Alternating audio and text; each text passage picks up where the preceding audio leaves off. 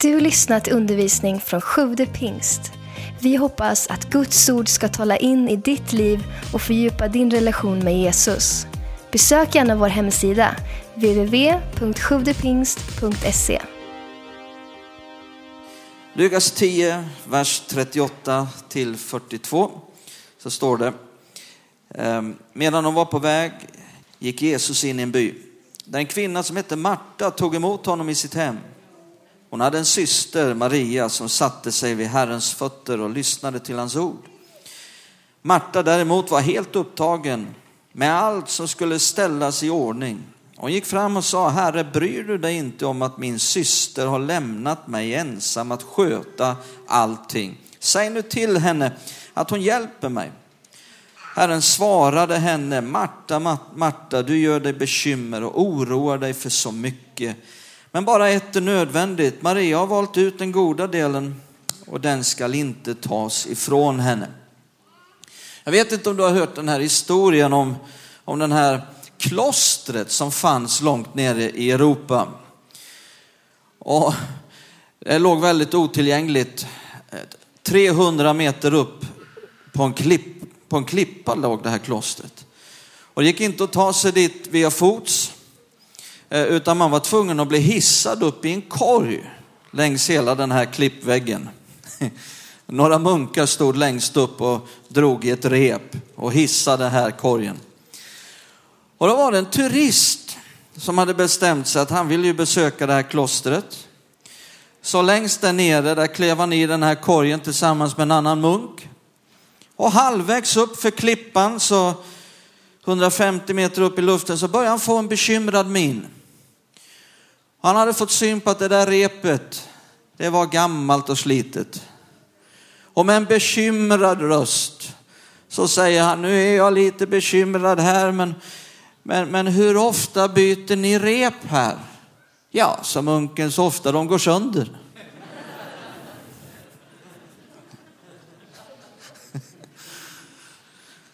Jag vill tala lite idag om bekymmer.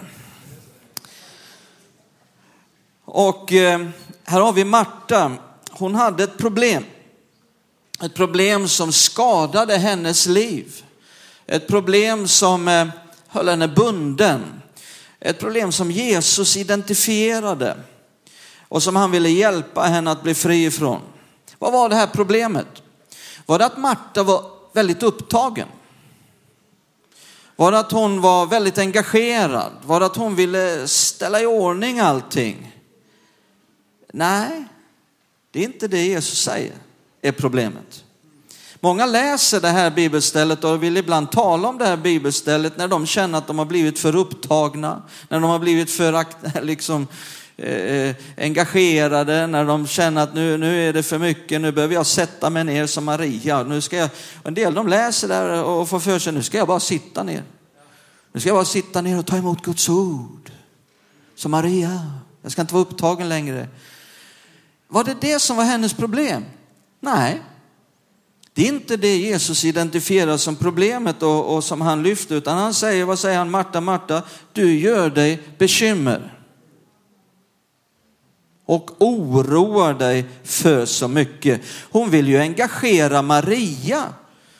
Men det var utifrån att hon bekymrade sig. Hur ska det bli? Hur ska det ordna sig? Och vad viktigt det är att, att ledare i en, i en kyrka, i en församling, när de vill engagera människor, inte gör det utifrån bekymmer. Du måste inte vara med, du får vara med. Jag sover gott om nätterna. Join the club if you want to. Eh, och vad viktigt det blir när, när vi vill engagera människor i att, att, att, i givande. Att det inte sker utifrån bekymmer. Hur ska det bli? Hur ska det ordna sig? Vi måste ut och, och få folk att ställa upp. Ja, då, då är det bättre vi inte säger någonting. Det är bättre vi inte gör någonting. Det är bättre vi stannar upp och blir fria från bekymmer. Det är det Jesus identifierar som problemet. Eh, bekymmer, min första punkt, är att det är en av livets största fiender till gemenskap med Gud. Det är en stor fiende till gemenskap med Gud. Det finns två väldigt stora fiender till gemenskap med Gud. Det ena är synd. Och det kan vara lättare att identifiera som en fiende till gemenskap med, med Gud. Eh, men på samma sätt så skadar bekymmer gemenskapen med Gud. Inte så att bekymmer är synd. Och att om jag bekymrar mig så har jag syndat.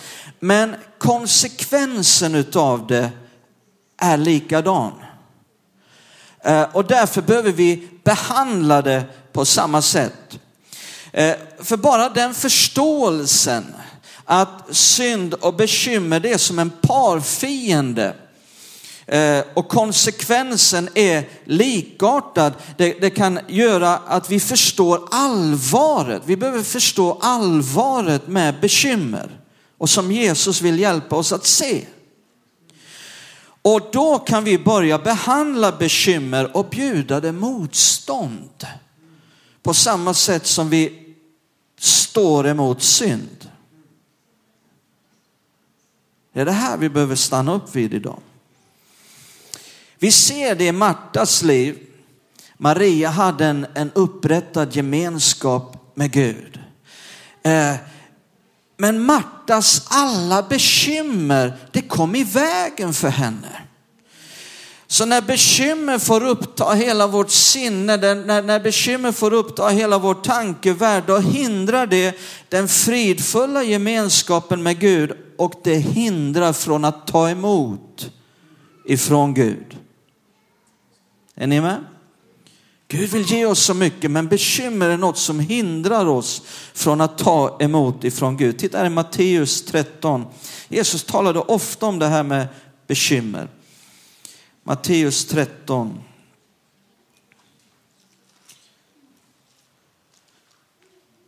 Matteus 13 och 22. Vi är mitt inne i liknelsen här som du kanske känner till om, om såningsmannen som sådde. Och det är en, lik, en liknelse på Guds ord, hur Guds ord eh, ges till människor och vi är olika jordmån. Och så står det i Matteus 13 och 22. Det som såddes bland tistlar är den som hör ordet, men världsliga bekymmer och bedräglig rikedom kväver ordet så att det blir utan frukt. Här läser vi om att bekymmer har en kvävande effekt. Och det tror jag vi alla känner till, vilken kvävande effekt det har. På samma sätt som synd kväver eh, en människas liv. Och därför ser Jesus bekymmer som någonting fientligt som han vill befria oss ifrån. Jesus talar här om, om, om bekymmer och ett felaktigt jagande efter rikedom. Och faktum är att han redan innan i samma evangelium har talat om just de här två sakerna. Titta i Matteus 6. Matteus 6 och från vers 24. Från vers 24. Ingen kan tjäna två herrar. Jag var i en taxi en gång nere i södra Israel. Då var det en jordanier som skjutsade oss i taxin och han sa, ja du vet jag har tips på mycket fina ställen här du kan få en kvinna och, och liksom få till det. Han höll på med allt, började prata så här i taxin. Jag sa, nej tack, jag har en, en fru som jag älskar hemma i Sverige. Ja men här, du kan ju ha en till här liksom. Och, då sa jag till honom, eh, vet inte du att Jesus har sagt att man kan inte tjäna två herrar? Och han började skratta så han höll på att köra av vägen.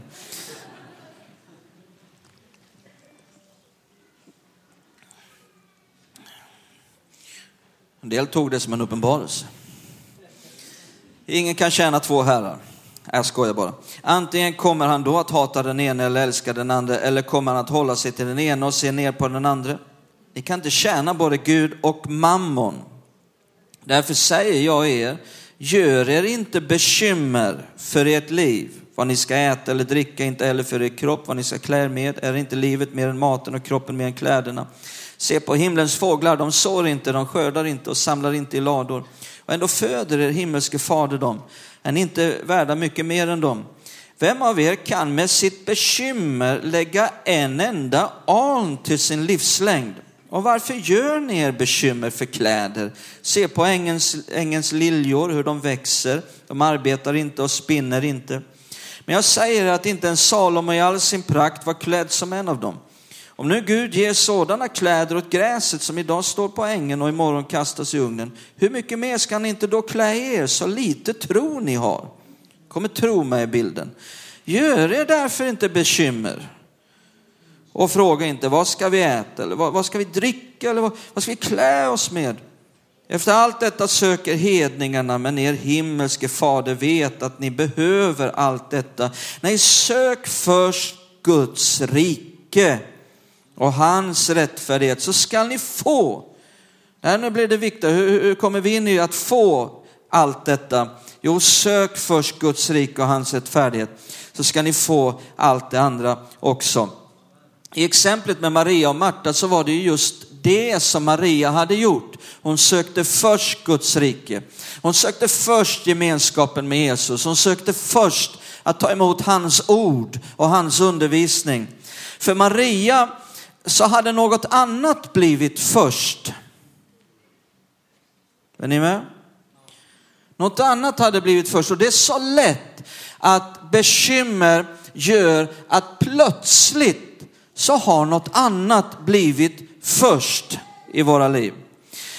Eh, och när Guds rike får bli först, när, när gemenskapen med Gud får bli först, när, när Guds ord till oss får bli först, då kommer vi att kunna möta livet med ett helt annat perspektiv om en helt annan grund. Och då kan vi faktiskt komma fram till ett bekymmersfritt liv.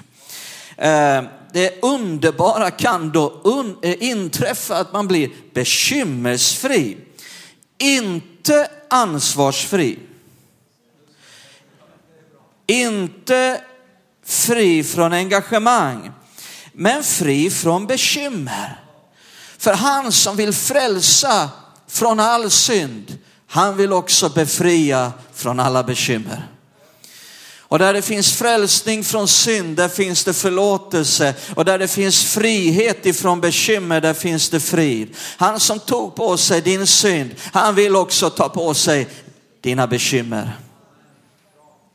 Är inte det fantastiskt? Han vill göra det. Eh, så vad det handlar om helt enkelt, det är att, att ge hela sitt liv till Jesus. Och säga Jesus, du tog på dig min synd, nu ger jag dig också hela mitt liv. Jag överlämnar mitt liv till dig, också mina bekymmer. Jag lägger mig helt och hållet i din hand. För du har lösningen på alla mina problem. Eh, det var som en, en man, han stod bredvid en väg, han hade en jättestor tung ryggsäck stor massiv ryggsäck på sig och så stod han där och liftade. Han behövde åka en tre, fyra mil och, eller ta sig tre, fyra mil och han stod där och liftade. Och plötsligt så stannade en liten lätt lastbil med ett litet flak och, och plockar upp honom och säger, ja det är lite fullt här i hytten så du får sätta dig på flaket. Så mannen kliver upp där och ser han på flaket. Och efter att de har kört en mil så tittar den här eh, som körde lastbilen eh, i backspegeln och får syn på att där är han på flaket men han har fortfarande den här enorma ryggsäcken på sig. Så han stannar till och vevar ner rutan och ropar till honom, var, varför har du ryggsäcken på dig? Varför ställer du inte av dig den? Nej men sa mannen, jag tyckte det var nog. Att du plockade upp mig och var så snäll och jag får åka här på flaket så att det räcker med att du ska skjutsa på mig. Och, men ryggsäcken tar jag.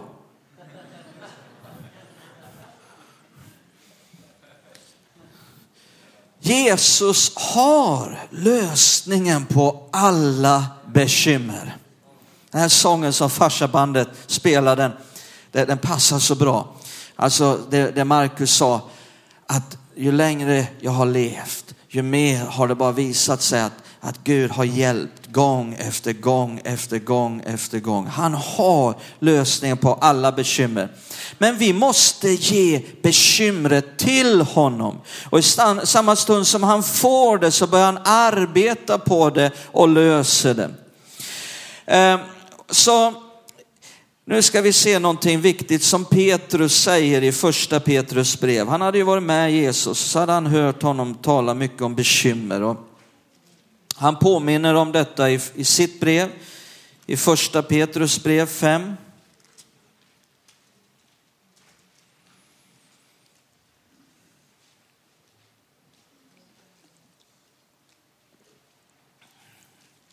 Och vers 7 och kasta alla era bekymmer på honom, ty han har omsorg om er. Vilket underbart bibelställe. Alltså hur mycket av våra bekymmer ska vi kasta på Herren? Kasta hälft, kasta lite bekymmer på Herren. Nej, det står kasta alla, kan han säga alla?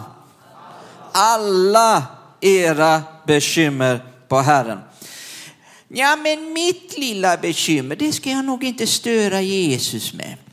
Han är, har ju så upptagen med så mycket stort här i världen. Och mitt lilla bekymmer, det är ungefär som att säga, min lilla synd ska jag nog hålla kvar. Hallå? Återigen, synd och bekymmer är inte samma sak. Om du har bekymrat dig har du inte syndat. Men konsekvensen av bekymmer är likartad och därför måste vi börja behandla det på ett likartat sätt. Ehm, och i och med att det står här att vi får kasta alla bekymmer på Herren. Det betyder att det är ett löfte om att Herren vill ge oss ett liv fritt ifrån bekymmer. Vad som än bekymrar dig vill Herren ta på sig. Och han vill ge dig ett, ett liv i fullkomlig total frid på livets alla områden. Men lyssna nu, att Herren vill ge oss frihet från bekymmer betyder inte att, att det blir frihet från alla problem.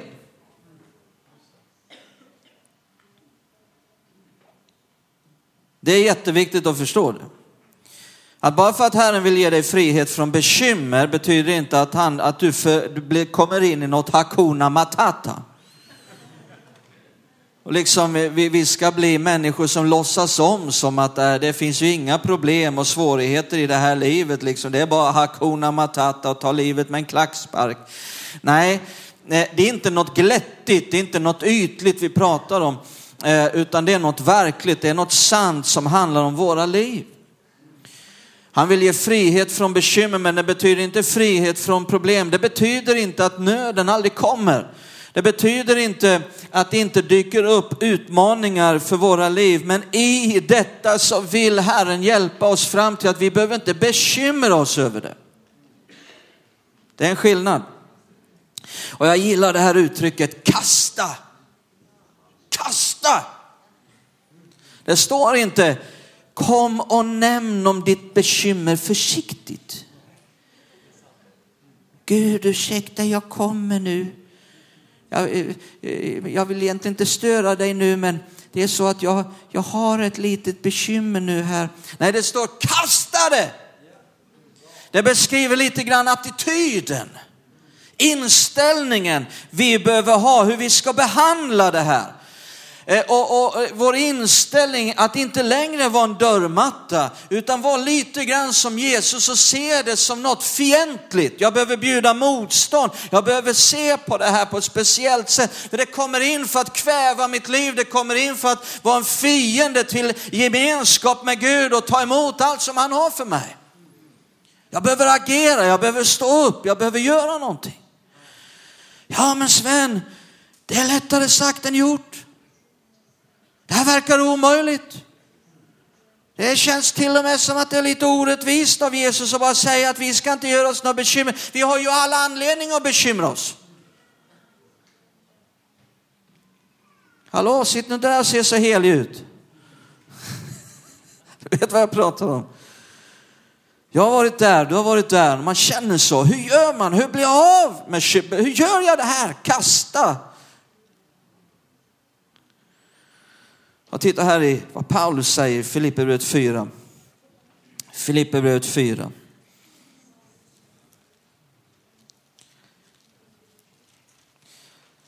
Den sjätte och sjunde versen.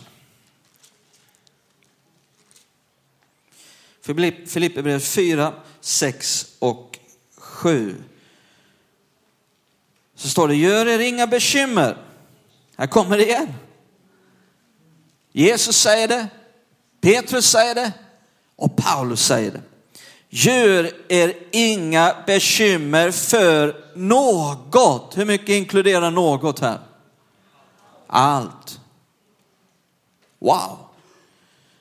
Det är samma sak som Petrus säger som Jesus säger. Det inkluderar allt. Gör er inga bekymmer för något, utan låt Gud i allt, i hur mycket? I allt, inkludera Gud i ditt liv. Ta med Gud i ditt liv, i det lilla och det stora. För det är så här att när du ser att Gud är med i det lilla, när du bad en, en liten bön om en liten sak och du såg att Gud, det, det, Gud, det verkar som Gud gjorde någonting. Det är så litet så det är knappt märkbart om det blir bönesvar.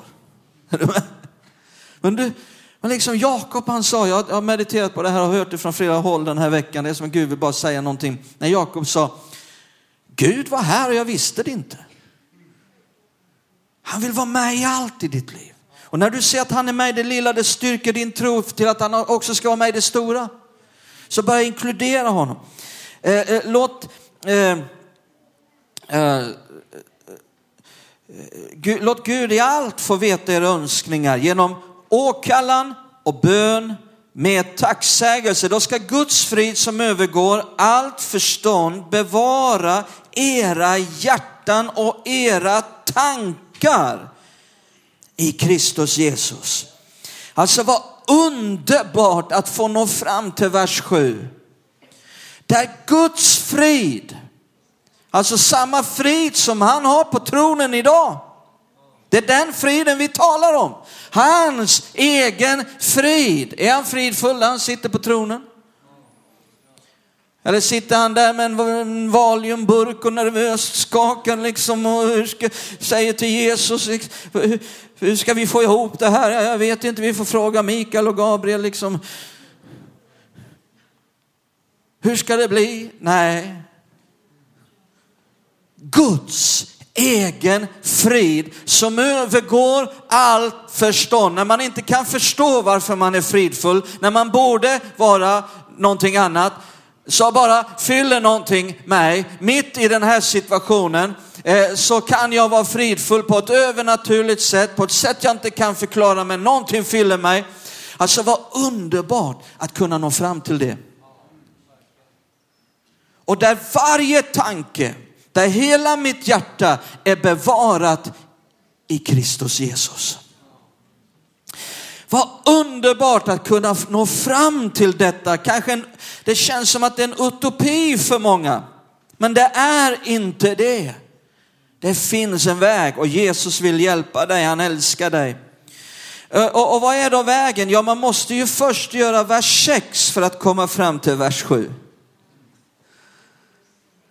Först vers 6, sen vers 7. Och vad säger vers, vers 6 då? Gör er inga bekymmer för något, utan låt Gud i allt få veta era önskningar genom åkallan och bön med tacksägelse. Hur kan vi då undvika att inte göra oss bekymmer och istället kasta alla bekymmer på Herren? Ja, Paulus säger det sker i bön.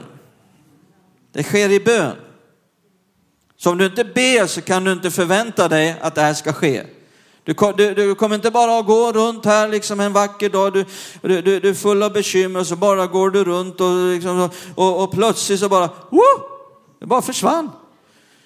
Nej, det sker i bön. Men inte vilken typ av bön som helst, utan Paulus säger att det är en bön som åtföljs av tacksägelse. Som slutar med att man tackar Gud. Och när brukar man tacka för någonting? Det är när man får någonting. När jag har fått någonting. I morse när jag vaknade så hade Kid lagt en ganska märklig present. Men den var från hela hans hjärta. Och så hade han skrivit på ett papper så fina ord. Och sen så kom han uppspringande rätt vad det var när han märkte att, att jag var uppe. Eh, Och så märkte att nu, nu var han spänd. Hur Eh, har jag tagit emot den här? Har jag sett det här? Och jag kramade om honom och jag sa tack så mycket. Vad fint det var att du tänkte på. Så, alltså tack, det är någonting man säger för det mesta när man har fått någonting, när man har tagit emot någonting. Så, så att när vi har kastat vårt bekymmer på Herren, att vi fortsätter i tacksägelse och säger tack Gud, att när jag bad så hörde du min bön och du svarade på den. Även om du inte ser resultatet för det. Och när, så, så fort du bara kommer att tänka på det så säger du tack Gud att när jag bad så svarade du på min bön, du hörde min bön och tack att jag har fått ta emot. Jag har det nu, det är mitt nu. Även om du inte ser det, även om du inte känner det, så tackar du och tar emot i tro. Att ta det steget min vän, oj oj oj, det är ett steg in i det övernaturliga. Och att därefter så behöver vi minimera matandet utav bekymmer. Se, kolla in, märk vad som matar ditt bekymmer. Var kommer det ifrån? Vad är källorna till att mer och mer eh, liksom, eh, eh, matande utav bekymmer? Stryp det, svält det. Och börja istället märka, vad är det som matar min tro? Vad gör min tro starkare? Lägg märke till, vad är det, vad, när utsätts du för någonting som stärker din tro? Maximera det. Se till att det sker oftare, se till att det sker mer. Eh, därför att ju mer du matar bekymmer, desto mer växer det. Och ju mer du matar tro, desto mer växer tron. Det finns en kamp det finns en trons kamp, Bibeln talar om det. Speciellt i början utav trons utveckling, eh, i, liksom när man är i början utav dess tillväxt. Jag tror att vi alla har varit där när, när det har känts som att vi, vi kommer till Gud med våra bekymmer, vi visar Gud våra bekymmer och sen så tar vi med oss dem hem. Vi trodde att vi hade kastat bekymren på Herren, men sen när vi vaknade mitt i natten så var bekymret där och stirrade oss i ögonen. Ibland är det som att fastna i sån här flukpapper. Har ni varit med om sån här flukpapper? Jag minns när jag var liten och man var eh, på vissa håll i södra Halland och bondgårdar och grejer så brukar det hänga här flukpapper. Vet ni vad jag pratar om? Använder man sånt nu för tiden? L- lite. Det var väldigt vanligt när jag var liten, det hängde flukpapper. Och då minns jag som liten grabb att man var ju väldigt frestad och känna på det där. Och såg man inte upp så fastnar man ju i det där liksom. Och sen när man trodde att man hade blivit av med det, så efter fem minuter då la man märke till att det hängde på ryggen. Och så kan det vara med, med bekymmer. Att det, det, det, speciellt i början av trons utveckling och tillväxt, att det, det, det är som att fastna i det och så tror man att man har blivit av med bekymret, men sen så var det där i alla fall. Ehm, men ge inte upp, utan fortsätt i detta, i den här tillväxten. Vad världen är full av bekymmer. Det är det Jesus vill hjälpa oss att kunna vara fri ifrån komma över i hur det är i hans rike. Det är inte ett bekymmersfullt rike, utan det är ett rike av frid. Han vill hjälpa, men vad världen är full av bekymmer. Och Jesus ser det här, han vill hjälpa varje människa. Och så ofta så möter man människor som har djupa fåror i sina ansikten som är orsakat utav svårigheter i livet, som har mörka ringar runt ögonen på grund utav bristande sömn. Vad världen är full av bekymmer. Men vad Guds ord är fullt av frid. Har du lagt märke till det? Vad Guds ord är fullt av frid. Det bara andas frid. Och när man tar del av det så bara, så, så, bara hjälper det på det här området. Det bara fyller en med frid. Guds ord är det som kan mata vår tro. Det är det som kan göra vår tro stark så att vi till sist kan börja kasta bekymmer på Herren och låta dem vara kvar där. Titta i psalm 94 och vers 19, en underbar vers. Psalm 94. Och vers 19. Så står det, när jag hade mycket bekymmer i mitt hjärta, då gladde din tröst min själ. Var får vi trösten ifrån? Det är från Guds ordet, när vi hör Gud, när Gud talar, hans ord. När jag hade mycket bekymmer, då tog jag fram, jag lyssnade till ditt ord. Och då började mitt hjärta få glädje igen. Glädje, frid. Uh, och jag märkte i mitt eget liv, jag vet en gång i början på 90-talet, det var någonting som hade börjat bekymra mitt, mitt sinne.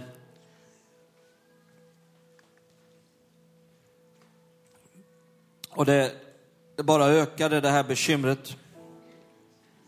Och, och till sist så började jag få svårt att sova. Och till sist så hade jag förlorat en hel natts sömn. Jag vet inte om du har varit där någon gång, jag har varit där. Och till sist så hade jag förlorat två nätters sömn. Den tredje natten var jag vaken vid tre tiden på natten och nu var jag riktigt orolig. Nu börjar jag känna, jag, jag håller på jag håller på att tappa förståndet liksom. Nu var jag riktigt, nu var jag ju bekymrad över om jag skulle somna också. Så det var ju, blev ju ett ekorrhjul. Det ena ledde till det andra. Det blev ju bara värre och värre liksom. Och till sist så min, min, min hjärna, den var ju, rusade ju på högvarv liksom. Det var ju som att köra en motor på högsta varvtal. Höll på att skära sönder. Jag har varit där.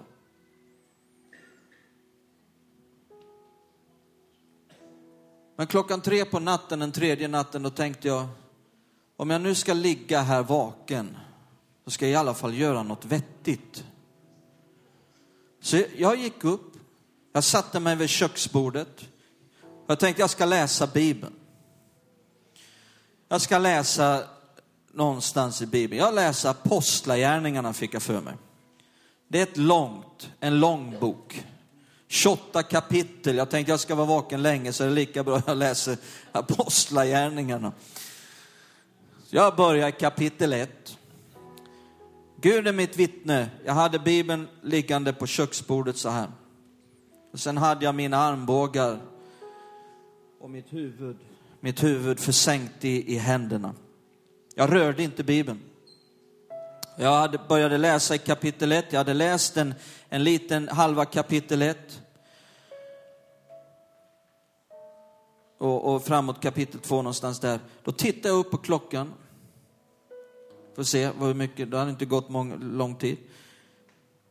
Och så tittar jag ner. Då är det inte längre kapitel 2. Utan någon, utan att jag rörde Bibeln, har varit där och bläddrat fram till kapitel 12. Då hör jag samtidigt som om någon stod bakom mig och säger läs. En myndig stämma som bara säger läs. Jag tänkte bäst jag läser. Jag hade ingen aning om vad jag skulle läsa. Är du intresserad av vad jag läste den natten? Kapitel 12. Jag tänkte det är bäst jag börjar från vers 1 så jag inte missar någonting här nu. Jag förstår att Gud hade talat. Så jag börjar läsa. Vid den tiden lät kung Herodes gripa och misshandla några i församlingen. Jag kände det hjälpte ju inte direkt. Det gjorde inte mig något gladare. Jag hade förväntat mig att det skulle komma något positivt. Jag fortsätter i vers 2. Jakob, Johannes bror, lät han avrätta med svärd. Det är ungefär som ni kom hit här idag på en söndag så, så, så berättar vi att de har huggt huvudet av Simon. Det var ju det som hände i församlingen. När han såg att detta var en bifall hos judarna fortsatte han och lät gripa också Petrus. Så nu har ni fått reda på att Sven är också gripen. Detta hände under det osyrade brödets högtid. Sedan han hade gripit honom satte han honom i fängelset och gav i uppdrag åt fyra vaktavdelningar om vardera fyra man att bevaka honom. Efter påsken vill han ställa honom inför folket. Han skulle säkert göra samma sak med Petrus och hugga huvudet av honom också. Petrus hölls därför kvar i fängelset och församlingen bad uthålligt till Gud för honom. Natten innan, natten innan Herodes hade tänkt ställa honom inför rätta, låg Petrus och sov mellan två soldater, bunden med två kedjor. Det var inte direkt svärmor och frun han låg bredvid. Ni vet ju, Petrus hade en svärmor. Ja, ja, han brukar säkert aldrig ligga bredvid, sova bredvid svärmor, men, men det var ju något annat. Han sov bredvid här. Mellan två soldater, bunden med två kedjor. Och utanför dörren stod vakter som bevakade fängelset.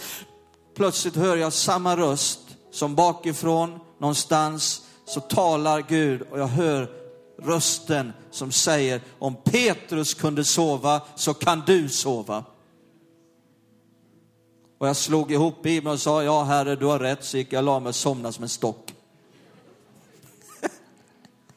och från den dagen så har livet varit betydligt, alltså Gud hjälpte mig någonting där. Inte så att jag varit fri från frestelser eller tillfällen när jag känner att bekymmer har kommit på, men ett helt annat sätt att kunna hantera det. Halleluja. Och nu lever jag efter filosofin att Bibeln säger i psalm 112 att Herren sover inte, han slumrar inte och det är ingen mening vi båda är vakna. Och jag vet vid ett annat tillfälle, det var något annat som hade bekymrat mig. Det var också i, när jag var ganska nyfrälst, jag var frälst ett par år. Och, och då gick jag också upp tidigt på morgonen. Och så började jag i Korinthierbrevet. Och så lä, bara läste. För Guds ord det andas frid. Och när det kommit till kapitel 15, jag läste 15 kapitel på rak. Jag bara kände att jag behövde göra någonting för att bekymmer hade satt sig. Och då plötsligt så hör jag Herrens röst tala igen angående det jag bekymrade mig om och berättade för mig hur det hela skulle förlöpa och hur allting skulle lösa sig. Och bara några timmar senare så gjorde det precis så. Då kunde jag höra Guds röst genom Guds ordet. Bara att, att bara ta del av det, utsätta sig för det. Det är som att det, det är någonting som händer. Det, det är en frid som jag bara blir utsatt för. Ska vi stå upp tillsammans? Vi tackar dig Herre, vi prisar dig. Vi vill bara stanna upp nu Herre. Jag vill bara be för oss allesammans. Kanske du finns här idag, du, du har kommit hit och du, du känner att det är någonting som bara plågar dig, ett bekymmer som bara gnager ständigt, hela tiden. Du är inte ensam. Du är inte alls ensam. Vi delar samma liv. Vi delar samma resa, vi har samma kött och blod, vi möter precis samma saker. Du är inte ensam, du är, en, du är en familj. Och här vet vi att stå med varandra, här vet vi att älska varandra. Här vet vi att, att be för varandra. När de här tuffa utmaningarna kommer i våra liv. Säkert är det flera, säkert är det kanske många här idag som känner så. Att det är någonting som gnager. Herren vill möta var och en just nu. Så låt oss bara ta två minuter, tre minuter, några, liten stund. Bara stanna upp.